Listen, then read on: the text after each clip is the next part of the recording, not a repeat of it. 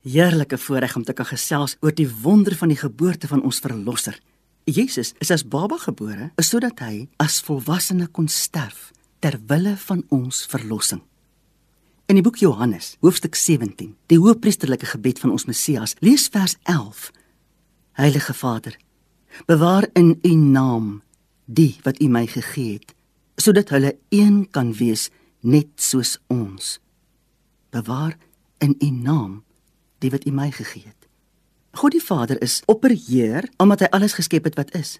Hy is opperheerser omdat daar niks is wat groter is as hy nie. En hy's heilig. Daarom bid Jesus ook in Johannes 17:17. 17, Heilig hulle in U waarheid. U woord is die waarheid.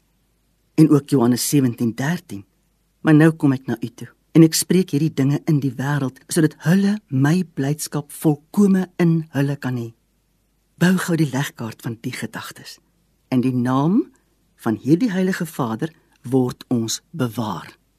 Hoe? Deur die waarheid van sy woord wat ons ook heilig. Sodat ons soos hy kan word en in hom bewaar word. Onthou Kolossense 3 vers 3. Julle lewe is saam met Christus verborge in God. Bewaar in sy naam, geheilig deur die woord, een in Christus. Wanneer hierdie patroon vir ons in plek val, is ons erfenis volkome blydskap, sodat hulle my blydskap volkome in hulle kan hê. Is jy dalk alleen in die dae?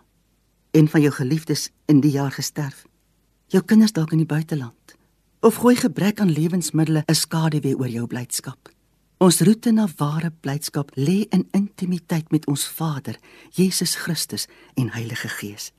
Lees die woord met die gebed dat jy deur die lees kan groei in intimiteit met God die Enig.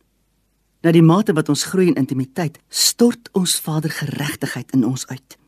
Volgens Hebreërs 1:9 het Jesus geregtigheid so lief gehad dat Vader hom gesalf het met vreugdeolie bo enige van sy tydgenote.